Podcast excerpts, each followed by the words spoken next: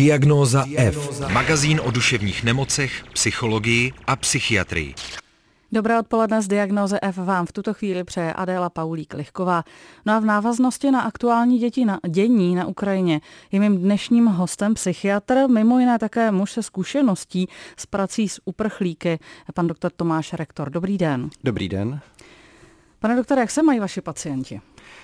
Moji pacienti se nemají dobře. Já právě se snažím srovnávat tyto dvě krize eh, za poslední dva roky, eh, které jsou v něčem podobné, v psychických reakcích jsou v něčem podobné. Ale zatímco když začal covidový, eh, covidový maraton, tak ze začátku některým lidem bylo lépe. Jejich úzkosti dostali konkrétní obsah. Najednou nemuseli chodit do práce s hromadou kolegů. V něčem se ten svět zjednodušil. Ty reakce byly rozličné. Zatímco minulý týden eh, lidi byli trochu v šoku, příliš ještě, jako mluvili o tom věcně, ale bez emocí. Když jsem přišel v pondělí do práce, všem lidem bylo špatně a všem byl, lidem bylo špatně z jiného důvodu než, než z té války. A já toto občas vídám u lidí, kteří opravdu jsou ve velmi těžké životní situaci, že ta mysl na, na, hned na začátku není schopná jakoby se zhroutit z toho, co se děje z té reality a zhroutí se z něčeho jiného, co je přijatelnější. Takže mý paranoidní pacienti začali být výrazně paranoidnější než předtím. Někdo je odposlouchával, ale nebáli se Ruska. Lidi, kteří pěli, začali pít víc, lidi, kteří se hádali doma, začali se hádat ještě víc jako by tam nebyl ten obsah. A od úterka eh, dál, což není zase tak dlouhý úsek, eh, už lidé mluvili o velkých úzkostech, o velkém napětí, o velkých obavách. A vlastně to byla taková hezká lekce, kdy jsme se mohli s eh, mými klienty bavit o rozdílu mezi strachem a úzkostí, kdy ten strach má vlastně racionální obsah a víme, čeho se bojíme, na rozdíl od úzkosti, kde to pořádně nevíme. Jak s takovým strachem můžeme zacházet? První věc je uvědomit si, že, že ho máme. Uh, což je úplně skutečně první a nejdůležitější věc, že se bojíme, proč se bojíme a že je úplně normální se bát. Já si myslím, že to je skutečně ta první věc a nemyslet si, že ve chvíli, kdy uh, v sousední téměř zemi se mluví o jaderné apokalypse, uh, že budeme mít nějaký kouzelný recept, jak se nebát. Ne, v této situaci je úplně normální se bát a člověk se může snažit používat mechanismy, které zná z minulosti, eh, jak se nebát, pokud možno netoxické, pokud možno to neřešit alkoholem, drogami, eh, ale pokud možno si jít zaběhat, eh, kouknout se na film, použít takovéto jako udržitelnější mechanismy. A samozřejmě snažit se to nějak jako mentálně uchopit, protože když je člověk v příliš náročné situaci, tak je problém v tom, že není schopen myslet že ta mysl skutečně se zatemní a člověk jakoby různě pobíhá, spekuluje, vymýšlí, ale není schopen, jakoby, není schopen to vlastně pořádně mentálně uchopit. Vy popisujete tuhle vlastně částečně zmatečnou reakci. Týká se vlastně teda i Čechů, kteří jsou ještě re- relativně vzdáleni od toho konfliktu. I takhle, jak říkáte, po, eh, teď aktuálně reagujeme? On není nikdo z, relativně vzdálen toho konfliktu. Možná, že kdybyste žil na Islandu, tak by byla jistá šance, eh, že by se zrovna na Islandu nebo v Grónsku nic nedělo. Ale jinak toto je konflikt, kterému nikdo není vzdálen. A i kdybychom se nebavili o, eh, o tom nejhorším scénáři, tak je to válka, která je na hranicích bývalého Československa. To skutečně eh, za posledních, no, od druhé světové války se takhle blízko nebojovalo. Přemýšlíme si tu situaci, ten náš strach, který zažíváme, může zhoršovat třeba i to, když to dáme do kontextu s covidem, že vlastně jsme si ještě neodpočinuli z té, z té covidové doby. Já věřím tomu, že ano. Eh, já jsem zvědav, co se bude dít, bude dít s dětmi, u kterých já mám, já nejsem dětský psycholog ani psychiatr, takže eh, tam skutečně to spíš laický názor. Ale když jsem se díval na ten covid, tak tam jsem měl pocit, že ty děti reagovaly se spožděním, že eh, skolobovali později než dospělí, ale že skolobovali důkladněji. A u těch dětí, které skutečně jako jako poslední, jako ještě doteď platilo, že děti končily různě v karanténách doma, takže skutečně jim neskončilo jedno peklo, začalo druhé peklo. A jinak to, že my všichni jsme prostě unavení, vyčerpaní z těch dvou let, tak určitě to té psychice nějak moc neprospěje. My ještě dneska trošku srovnávat s, tím, s těmi covidovými časy budeme. Dovolím si osobní otázku, jak vy pracujete se svými obavami, se svým strachem? Pro mě vždycky, když jsou takové situace, tak je to zajímavý klinický materiál, protože víte, co jako součástí našeho oboru patří, že člověk by měl mít nějakou sebereflexi, což ne vždycky se daří. Takže já skutečně jako mimo jiné se ne, můžu asi říct, že bavím, ale uh, zabavuji se tím, že jako pozoruju sám sebe. A to víte, že jsem tak jako zmatkoval. Víte, že prostě o víkendu jsem byl euforický a, a věděl jsem, že prostě všechno skončí jako báječně a nejlépe na světě a Naposled včera večer jsem zvažoval, jak si zbadím evakuační zavazadlo. Trošičku přeháním, ale nepřeháním moc, ale taky ta moje psychika prostě jako letěla v těch extrémech. Díky tomu, co děláme, tak snad máme aspoň nástroje trochu pozorovat, co se s náma děje a můžeme komentovat. Já jsem jako věděl, že to, co se se mnou děje, je obraná reakce. Jedna věc je sebereflexe, druhá věc jsou nějaké konkrétní jako aktivity, které děláte proti strachu. Uh, ano, v tomto mě skutečně pomohl ten covidový rok, skutečně pomohl, protože uh, já jsem tehdy si uvědomil, že máme před sebou měsíce, což jsem čekal na začátku, roky jsem nečekal, uh, kdy budeme muset nějak o sebe bečovat. Takže já tehdy jsem najel na režim pravidelný sport, kvalitní strava, pravidelný spánek Musím říct, že za ten týden od začátku války jsem se pořádně nevyspal ani jednou noc, že bych úplně zdravě jedl, taky nemůžu říct, že bych stoprocentně abstinoval. Nepřeháním to, ale eh, mírně ta spotřeba stoupla, ale běhám. Jako opravdu si dávám pozor na to, abych každý den měl v sobě minimálně 5 kilometrů běhu nebo 15 kilometrů kola, skutečně den, denodenně, což já se snažím i jinak, ale teď jsem v tom poctivější. Hostem dnešní diagnózy F je psychiatr Tomáš Rektor. Povídáme si o aktuálním dění na Ukrajině trošku vzdáleně, ale eh, spíš si bavíme možná o tom, jak my to tady prožíváme. Pane doktore, jak rozumíte tomu, že když se něco stane, tak se Češi během chvíle semknou k veliké pomoci? Před dvěma lety jsme všichni šili roušky, teď lidé pomáhají Ukrajině, ubytovávají azylanty. Proč to děláme? Je to obrana přes, před bezmocí. Eh, bezmoc je, eh, bezmoc je jedna z nejhorších eh, neřeknu, emocí, které, které nás můžou provázet. A pokud se cítím bezmocně, nebo vůbec pokud jsem v ohrožení, v úzkosti, zapínám některé obrané mechanismy. A když se koukneme na ty dva covidové roky, tak eh, tam jsme mohli krásně vidět, byla to taková jako krásná učebnice, eh, ani ne psychopatologie, to je vlastně normální reakce na tu úzkost, ale různých obraných eh, formací. Začalo to určitou mánií, potom šli lidi do deprese, pak šli do popření, kdy se tvářili, že žádný covid vůbec neexistuje. Tak jsme úplně na začátku, začínáme úplně stejně jako tehdy s tím covidem, tehdy jsme začali manicky, teď začínáme manicky.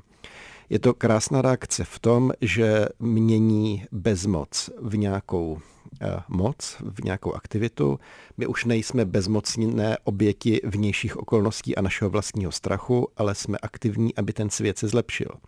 Tím, že se budeme chránit navzájem rouškami, tím, že budeme eh, vozit spacáky, tím, že budeme ubytovávat eh, uprchlíky u nás doma.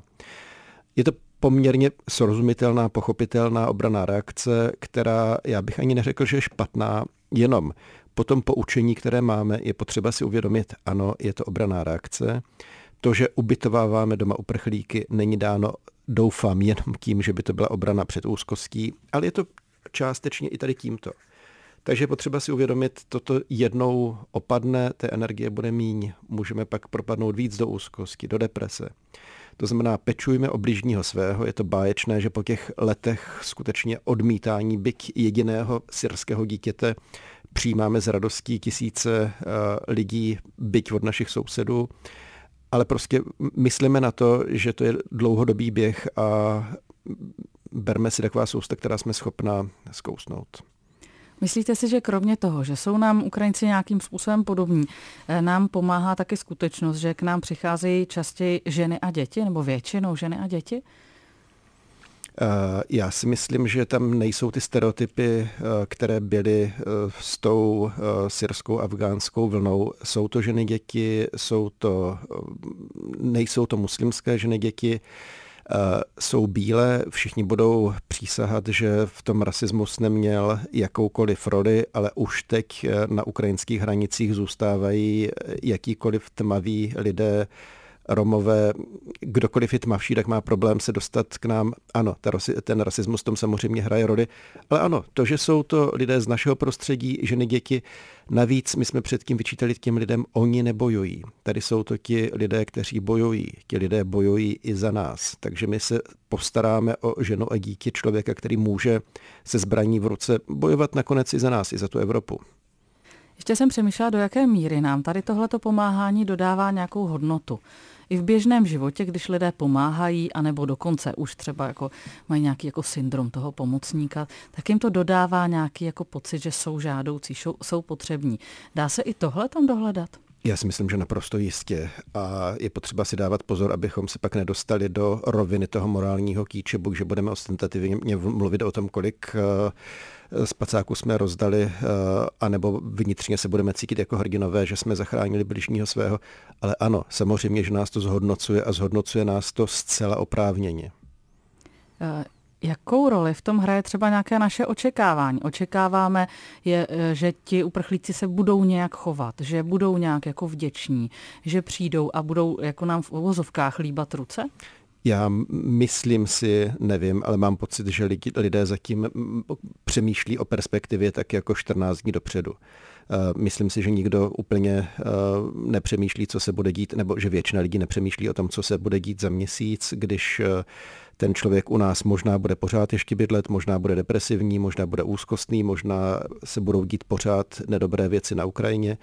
Já nevím, jestli ta, eh, víte co, jako součástí té eh, mánie, té pomoci, toho semknutí je ta dobročinnost. Já si myslím, že v tuto chvíli tam explicitní očekávání v děku není, ale jestli to člověk bude očekávat za další dva měsíce, pravděpodobně ano. Já vím, že uh, vy jste v rozhovoru pro Deník N říkal, že nejste teda jako uh, ne, prediktor, ne, neděláte předpovědi, ale vy sám máte teda doma ženu s dětmi, upr, ženu z Ukrajiny ano. a dvě děti, ne vaší ženu, máte ještě jinou ženu. Ale zajímalo by mě, jestli máte vlastně nějaký vlastní výhled. Jestli si umíte představit, jak dlouho ta žena u vás bydle, bude bydlet s těmi uh, dětmi? My máme výhodu v tom, že máme jakoby samostatnou bytovou jednotku v rámci našeho domu, kde oni můžou bydlet a když tam budou bydlet, uh, já nevím, kdyby tam bydleli dva roky, jestli by mě to vadilo, ale nemusí bydlet u nás v bytě kdyby museli bydlet u nás v bytě a měli tam svůj vlastní pokoj. Teď je to zatím tak, teď je to zatím tak, že bydlí u nás vlastně v dětském pokoji společně s dětmi. To by pravděpodobně dlouho nefungovalo, protože bychom se začali štvát, protože by to štvalo ty děti. Ale vzhledem k tomu, že tam mám takhle oddělený prostor, tak tam, když budou rok, tak tam budou rok. No.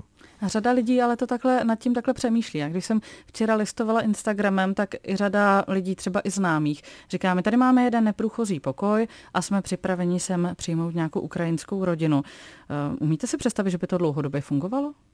Já si myslím, že to klidně může fungovat, ale opakuju, tak jsme trošku v mánii. Takže pokud teď si řekneme, že to bude dlouhodobě fungovat, tak to neznamená, že to skutečně dlouhodobě fungovat bude. Z těch očekávání by bylo dobré ubrat eh, třeba 30% aspoň. V diagnoze F se poví, eh, bavíme s psychiatrem Tomášem Rektorem, povídáme si o tom, eh, jak můžeme aktuálně prožívat situaci na Ukrajině, nejenom my, ale taky lidé, kteří k nám přicházejí. Vy jste eh, mluvil v rozhovoru pro Deník N o posttraumatické stresové poruše, kterou si lidé z Ukrajiny pravděpodobně přinesou. Jak ji můžeme poznat? Oni si můžou přinést a nemusí přinést. Eh, je důležité si uvědomit, že těm lidem pravděpodobně bude špatně a možná to nebude v rámci posttraumatické stresové poruchy, ale může to být prostě jenom to, že ti lidé jsou vyhození ze svých domovů, ze svých prostorů, jak jste říkal, jak máme doma ženu a dvě děti, já jsem si uvědomil, jak to, že bych chtěl mít doma radši třeba jako čtyři džihadisty, než prostě dvě děti, které někdo zbavil domova, jenom už ta realita, že jste někde s dětmi, které prostě přišly, přišly o normalitu, o domov, o kamarády, možná prostě o rodinu. Už to samotné je prostě důvod k obrovskému strachu, smutku, vzteku ke spoustě emocí. Posttraumatický stresový syndrom jako takový se většinou vyskytuje po, nebo objevuje po delší době. Takže pevně věřím, tak eh, v době, kdy se toto projeví, tak už bude dávno na Ukrajině mír a ti lidé už budou snad ve, své, ve svých domovech, ve svém prostoru. Ale jak se projevuje, no projevuje se, říkám, se spožděním, bývá to, dejme tomu, okolo půl roku, to znamená, ten člověk zažije nějaké trauma, například válečné trauma, a je velmi pišný na to, jak se z toho rychle dostal. Je mu prostě 14 dní špatně, měsíc, pak je všechno dobré. Dejme tomu po měsíci, se objeví velmi často derealizace. Derealizace je, že člověk jakoby zmizí ze světa. Ti lidé to popisují, jako kdyby žili v akváriu, jako kdyby žili za sklem. Že oni vidí, co se děje okolo nich, ale nemůžou na to sahnout. Je taková trošku jakoby snová zkušenost. Někdy depersonalizace, jako kdyby nebyli ve vlastním těle, jako kdyby tam nebyli oni.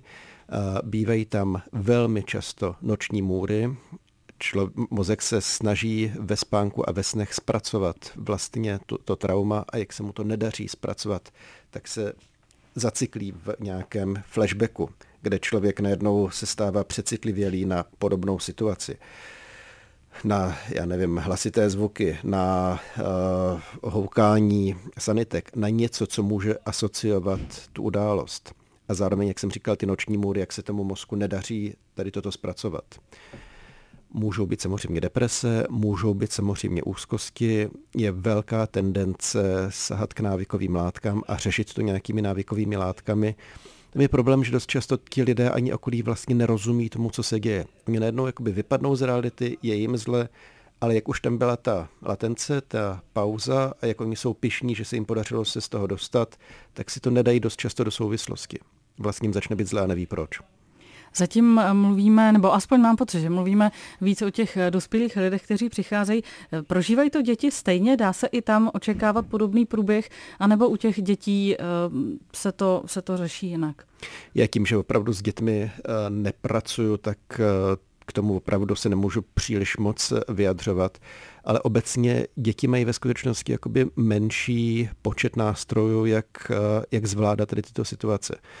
Takže zatímco dospělí lidé, jak jsem pozoroval na svých dětech, na svém okolí, třeba během toho covidu, eh, tak zatímco dospělí prostě mluví otevřeně o tom strachu, tak děti dost často padají do různých prostě smutků, apatii, v horších případech sebepoškozování.